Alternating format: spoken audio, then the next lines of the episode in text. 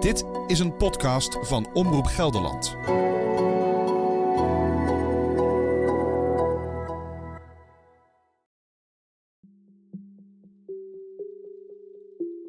Hij had toen s'morgens een berichtje gestuurd via zijn tablet dan eh, of ik eh, even langs kan komen, want hij, hij, hij moest peuken hebben. Dus ik reed naar het werk. Ik was vroeg klaar. Dus ik, reed om, was een uur of één. Ik naar Wageningen toe. En toen kwam ik bij de Morel waar Robert woonde. En toen zag ik aan de zijkant van het gebouw... dat waren twee kleine raampjes. Dat waren ramen, die waren ingegooid. Die waren kapot, het glas lag eruit. Dus ik naar binnen toe, naar Robert toe. Die zat op zijn bed. En die, ja, die was een beetje, ja, een beetje te neergeslagen. En ik vroeg, Robert, Rob, wat is er gebeurd, jongen? Hebben ze de ruit ingegooid? Nee, hij zei, ja, ik, ik, was zelf, ik zag het niet meer zitten. En ik heb, ik heb met de speaker heb ik tegen het raam aangegooid. Had van die grote speakers van, van, die bij zijn radio hoorden. En zijn kast lag, om zijn boekenkast had hij, die had hij omver getrokken.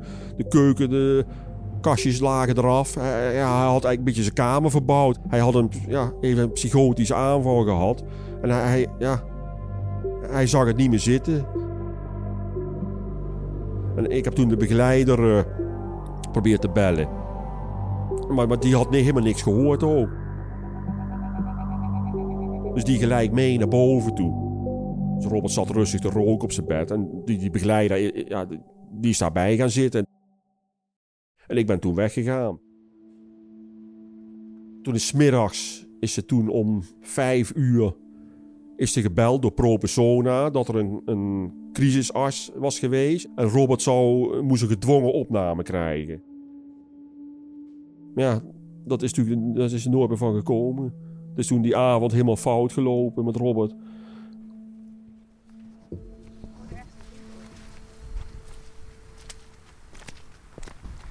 Ja, even kijken. ik heb net een plattegrond gekregen.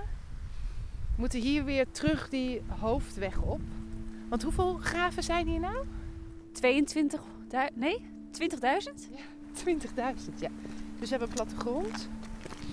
Vak T.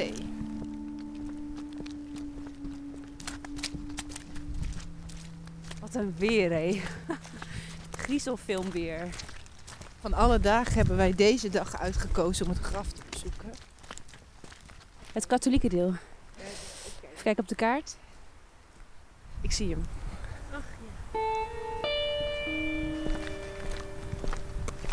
Hier rust onze lieve Robert. We missen je heel erg en zullen altijd van je blijven houden. 7 september 1992 is hij geboren en op 19 februari 2020 is hij gestorven. Keurig graf, rood hart erbij, blikje energy drink. Zie je het? Je hoort Ellen Kamphorst op begraafplaats Moskova in Arnhem.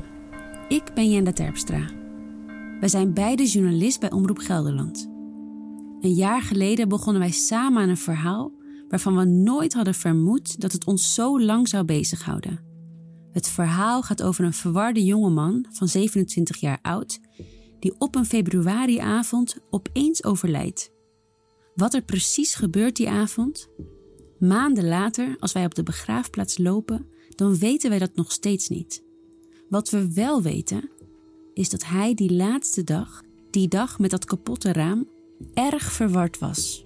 Ja, het begon ermee, man overleden in een zorginstelling. Dat klopt niet.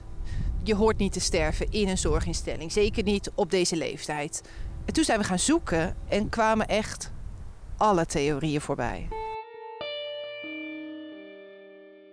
Het punt blijft gewoon dat hij is overleden op een plek waar die veilig had moeten zijn. En dat is gewoon, denk ik ook, waarom we ons hier zo in vastgebeten hebben. Dit is De Dood van Robert, een podcast over een verwarde man en de zoektocht naar waarom hij overlijdt op een plek waar hij veilig had moeten zijn. In een instelling voor begeleid wonen in Wageningen. Hallo. Hallo. Kom maar naar binnen. Ja? Oké. Dit is aflevering 1. Een doodgewone jongen. Hallo jongens. Hey, hallo. Hey. Ja, ik doe hem gauw dicht. We zijn in de Arnhemse wijk de Laar-West, in het rijtjeshuis waar Robert is opgegroeid. Ellen en ik zijn hier al vaker geweest, in het huis van Roberts ouders en zijn broertje Tommy. Aan de muur hangt een foto van een Filipijns bountystrand. Azuurblauwe zee, palmbomen. Houten waaihangpoppen staan in de kast. Te midden van warme kleuren hangt daar een canvasfoto van Robert. Roberts moeder is klein van stuk, heeft zwart stijl haar en komt uit de Filipijnen. Haar Nederlands is soms lastig verstaanbaar. Ja, Mooi. ja, ja. En die? Cecilia laat me vandaag foto's zien van Roberts kindertijd. Juli 92. Ja, ja. En de foto's van een, eh, een hele dikke buik. Ja, ja.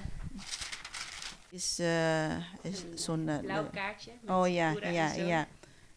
Hij is echt helemaal recht. Ik, ik, ik vind echt heel sterk. eh, ja, zie? Ja, heel sterk. Hij draaide zichzelf al om na drie dagen. Ja, ja, ja. Ja, zie, drie dagen, hè? Misschien net zo sterk als zijn vader Richard, die Cecilia ontmoette op een bruiloft in haar thuisland. Mooi. Ja, en die? Was het in Nederland? Ja. Ja, Ja. ja. De eerste kerst. De eerste keer, ja. Cecilia is een trotse moeder, ondanks de verdrietige reden dat wij op de koffie komen. Terwijl ik met Cecilia naar de kinderfoto's kijk, gaat Ellen met vader Richard en de hondjes een blokje om. Oh, kijk, daar lopen van die jochies.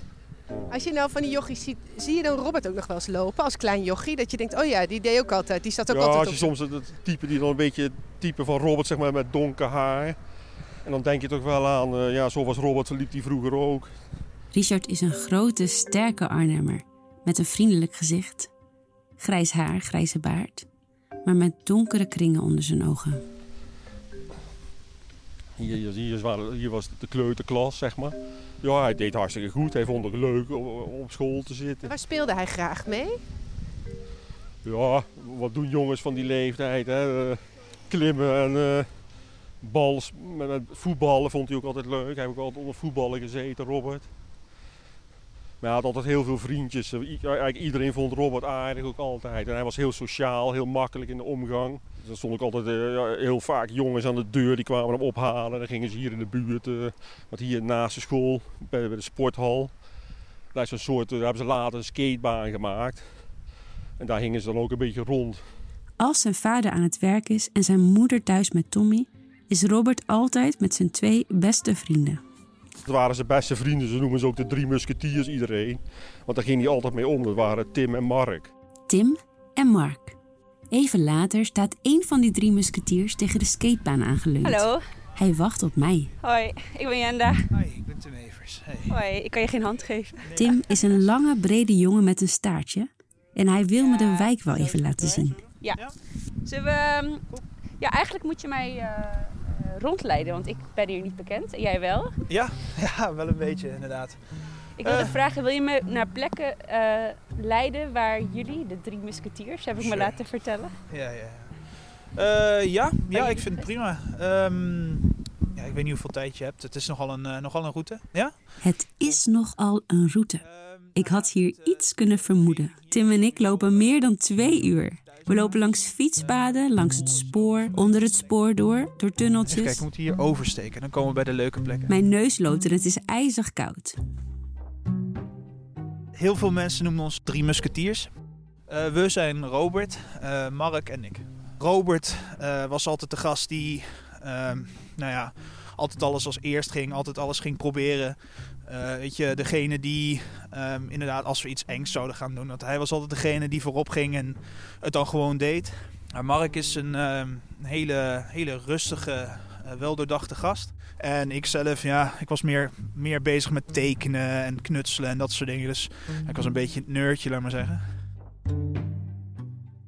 Aan de rechterkant, als we de weg blijven volgen en zo meteen het viaductje er doorsteken, dan eh, komen we bij Schuitgraven. Schuitgraaf.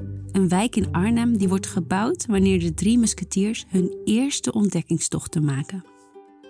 de eerste bewoner, zou je kunnen zeggen. Dat waren wij. En ik kan, denk ik, enerzijds trots en anderzijds met enigszins, enigszins plaatsvervangende schaamte zeggen dat we alle woningen hier wel een keer eh, van binnen hebben bekeken.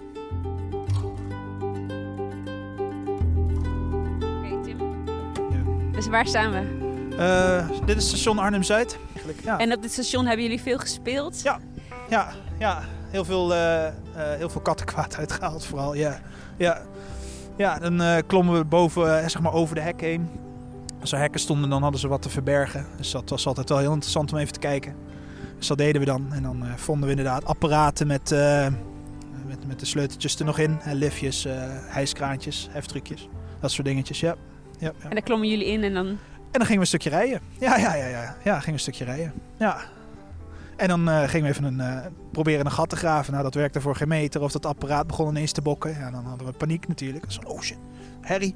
En Rennen. wist- wist- wisten jullie ouders waar jullie waren? Nee, nee, nee, nee, nee. Nee, onze ouders hadden ons echt op het hart gedrukt van, joh, eh, niet naartoe gaan. Ja, dat deden we. Ja, dat- Ja, dat is, nee, natuurlijk niet, nee. Maar dat deden we wel. Ook als de musketiers ouder worden, zoeken ze de grenzen graag op. We waren allemaal nieuwsgierig. Hè? We wilden allemaal wat proberen. Als je het zou vragen en we zouden zeggen we zijn 16, geloofde je het. Weet je wel. Dus eh, nou, we gingen wel eens biertjes kopen. Nou, dat deden we dan. Dan dronken we er drie of zo en dan waren we hartstikke van de kaart natuurlijk. Je weet hoe dat is. In het begin is het allemaal nieuw en spannend. Maar dit is ook waar het misgaat. Ja, sigaretjes gekocht. En eh, gingen we sigaretjes roken stiekem. En zo ook met, eh, ja, met wiet eigenlijk. Nou, wij hebben er allemaal gezond mee geëxperimenteerd. Net als iedere jonge Nederlander ben ik van overtuigd. Maar Robert gaat verder en verder. Eh, hij haalde er wel heel veel uit. Snap je? Ehm, wij allemaal wel hoor op een gegeven moment. We hadden allemaal zoiets van, oh lekker, leuk, gezellig. Maar er was voor Mark en mij uiteindelijk een punt gekomen dat we dachten van nou, dit is leuk, maar dit is het niet. Dit is af en toe eens een keer gezellig. Weet je, bij uitgaan of wat dan ook, dan doen we dat. En Robert was dat, wel, was dat op een gegeven moment een beetje anders. Die wilde het iets vaker. Totdat we hem gewoon betrapten ehm, op leugens. Je bent onder invloed, hè? En eh, nou ja, zo eerlijk als dat hij was. Ja, dat klopt. Ja, ja dat, is, dat is ook wel zo. Maar hè, ik zal het niet meer doen. Maar dat gebeurde steeds vaker. En hij was er steeds vaker oneerlijk over ook. Dat hij zei, van, nee, nee, nee, is niet zo. Maar ja, dat ze dop eh, bijna rood oplichten, weet je, als er stoplicht. Dus dat van, ja jongen, je, je bent niet eerlijk tegen me. En dat is een beetje het moment geweest dat we zoiets hadden van, ja, hier kunnen wij niet meer goed mee om. Dus Hoe oud waren jullie toen? Ik denk dat we de knoop eigenlijk wel een beetje doorgehad, eh, doorgehakt hebben rond onze zestiende. Terwijl Jenda verder wandelt met Tim, vertelt Richard mij over de breuk van de drie musketiers. En, en toen op een gegeven moment Robert, die, ja, die, die, die, die kwam met andere jongens ook hier aanraken. Die ook wel eens liepen te blowen. En daar wou Tim ook niks mee te maken hebben. En toen is dat toch een beetje verwaterd tussen hun eigenlijk. En dat vond Robert best wel erg. Want hij miste Tim heel erg. Maar Tim wou dan eigenlijk met, met, die, dat waren weer andere knapen. Hè, daar wou Tim eigenlijk ook niks mee. Die, die had daar niks mee met die jongens. En Robert wou dat eigenlijk ook niet, maar die, ja, die liet zich dan toch weer overhalen. Als ze hem dan opkwamen halen, ging die toch maar weer mee met die knapen. Want die stonden toen, ja, waar we net waren, daar bij die sporthal. En dat zijn die hangplekken en daar gebeuren zulke dingen dan. En dan lopen ze een keer te blowen. En zo is hij daar ook mee in aanraking gekomen, eigenlijk Robert. En wisten jullie dat? Ja, in het begin hebben we dat nooit geweten. Want ze, ze zeggen wel dat, dat, eh, dat, dat zeg maar, het cannabisgebruik dat kan een psychose triggeren. Dat het daardoor misschien getriggerd is. Kijk, en als hij nooit had gebruikt, had hij het misschien ook wel gekregen. Maar misschien op latere leeftijd. Maar dat weet je dus nooit. Maar ze, ze zeggen dat het kan daardoor getriggerd zijn, die psychose. Dat het wel onder, ja, onderliggend aanwezig is geweest, zeg maar. En toen werd hij op een gegeven moment wat onzeker. dacht hij dat mensen ook naar hem keken. En, maar wij dachten in eerste instantie de, de puberteit. Want we hadden ook geen flauw idee verder. Broertje Tommy zit te studeren in het topje van het huis, op de zolderkamer. Ja. Dan. Oh, ja, sorry, maak hem maar lang. Het is nog een hele klus om coronaproof opnames te maken. Om afstand te houden hebben we twee microfoons bij ons, met twee lange snoeren daaraan, zodat we ver uit elkaar kunnen zitten. Nou, mijn naam is Tommy. Ik uh, studeer accountancy op uh, de Han, hier in Arnhem. En het gaat nu wat lastiger, begreep ik? Ja, met de corona. Ja. Ik zit ook in mijn tweede jaar weer voor de tweede keer. Door alles wat er is gebeurd ook, dus... Maar het is anders, ja. Tommy is vier jaar jonger dan Robert. En bij alles kijkt hij naar zijn grote broer.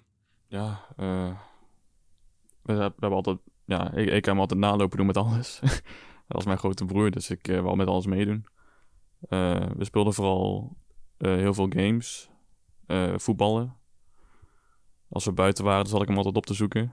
Want ik had dan mijn eigen vriend, die, woont, die woonde verderop. En ja, mijn broer was dan bijvoorbeeld ergens aan het voetballen buiten. Daarachter heb je zo'n zo'n voetbalveldje. Dan zei ik, kom, we gaan er ook naartoe. En dan was hij daar en dan ging, gingen we er ook een beetje rondhangen. Nou, soms vond hij het ook niet leuk als een kleine broertje dan kwam kijken. Dus dan zat hij zo van, ja, ga maar ergens anders voetballen of zo. Maar ik vond het altijd wel leuk om te doen.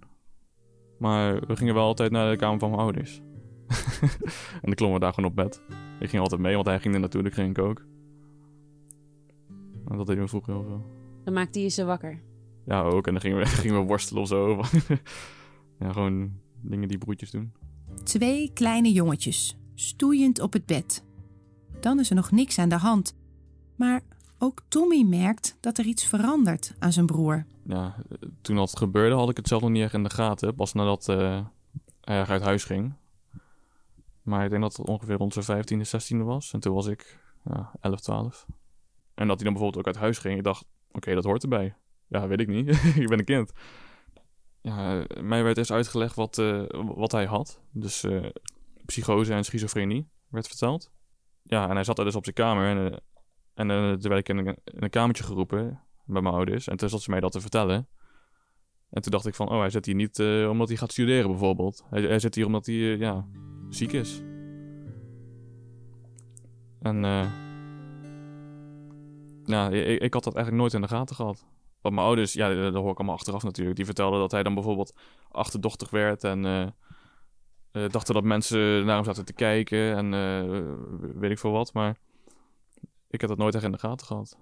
Na de tijd daarna, ik ging toen naar de middelbare school. Dus ja, mijn eerste jaar middelbare school was anders voor mij natuurlijk. anders dan de, dan de basisschool. Dus ja, ik was meer met dat bezig. En mijn ouders waren heel veel met hem bezig daar, want die zaten alles te regelen en wat dan ook. En ik ging af en toe wel mee naar waar hij was, waar hij zat.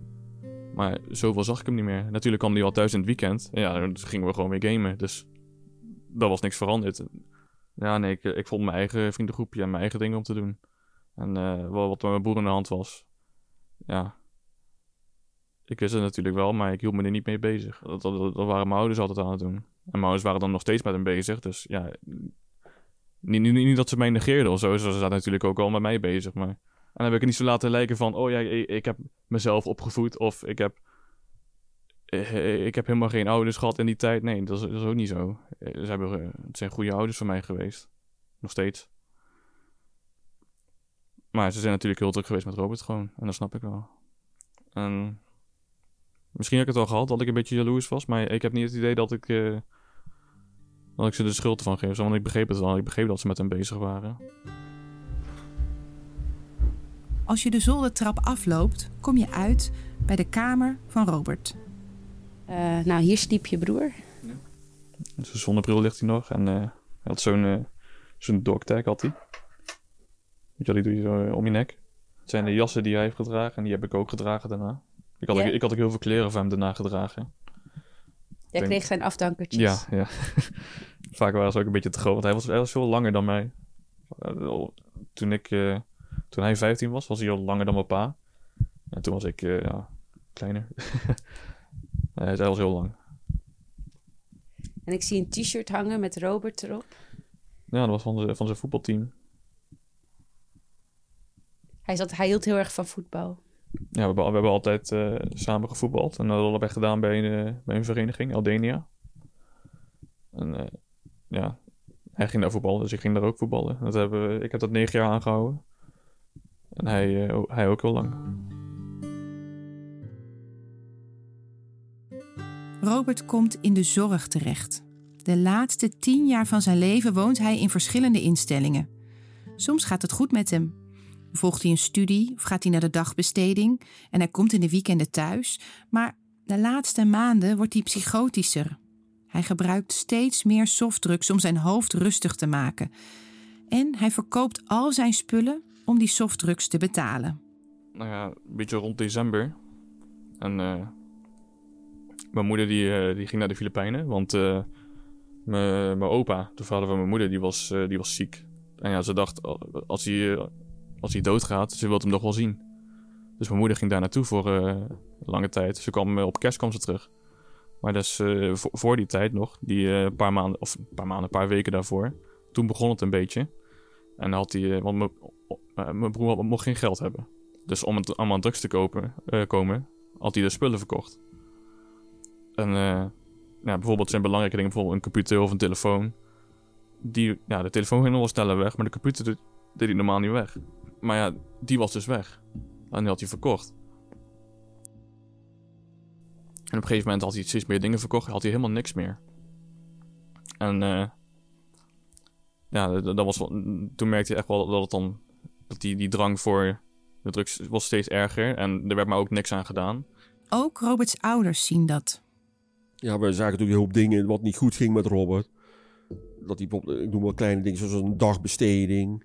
En dat die jong op een gegeven moment niks meer te doen had. En dat hij niet goed at en niet voor, voor zichzelf zorgde. En die geeft dingen aan bij de begeleiding. Maar er werd weinig mee gedaan. Volgens Roberts familie wordt er te weinig gedaan door de zorginstelling waar Robert op dat moment zit. Hij woont sinds een jaar in Wageningen, midden in een woonwijk, bij het RIBW, een regionale instelling voor beschermende woonvormen. Je wil ook niet als ouders maar blijven zeuren en alles. Ja, je bent natuurlijk blij dat er voor hem gezorgd wordt, dat hij opgenomen is. Werd, het werd steeds meer en Robert had steeds minder. Het, het, werd, het ging steeds slechter met hem. Dus op een gegeven moment ga je wel steeds meer dingen aangeven, toch?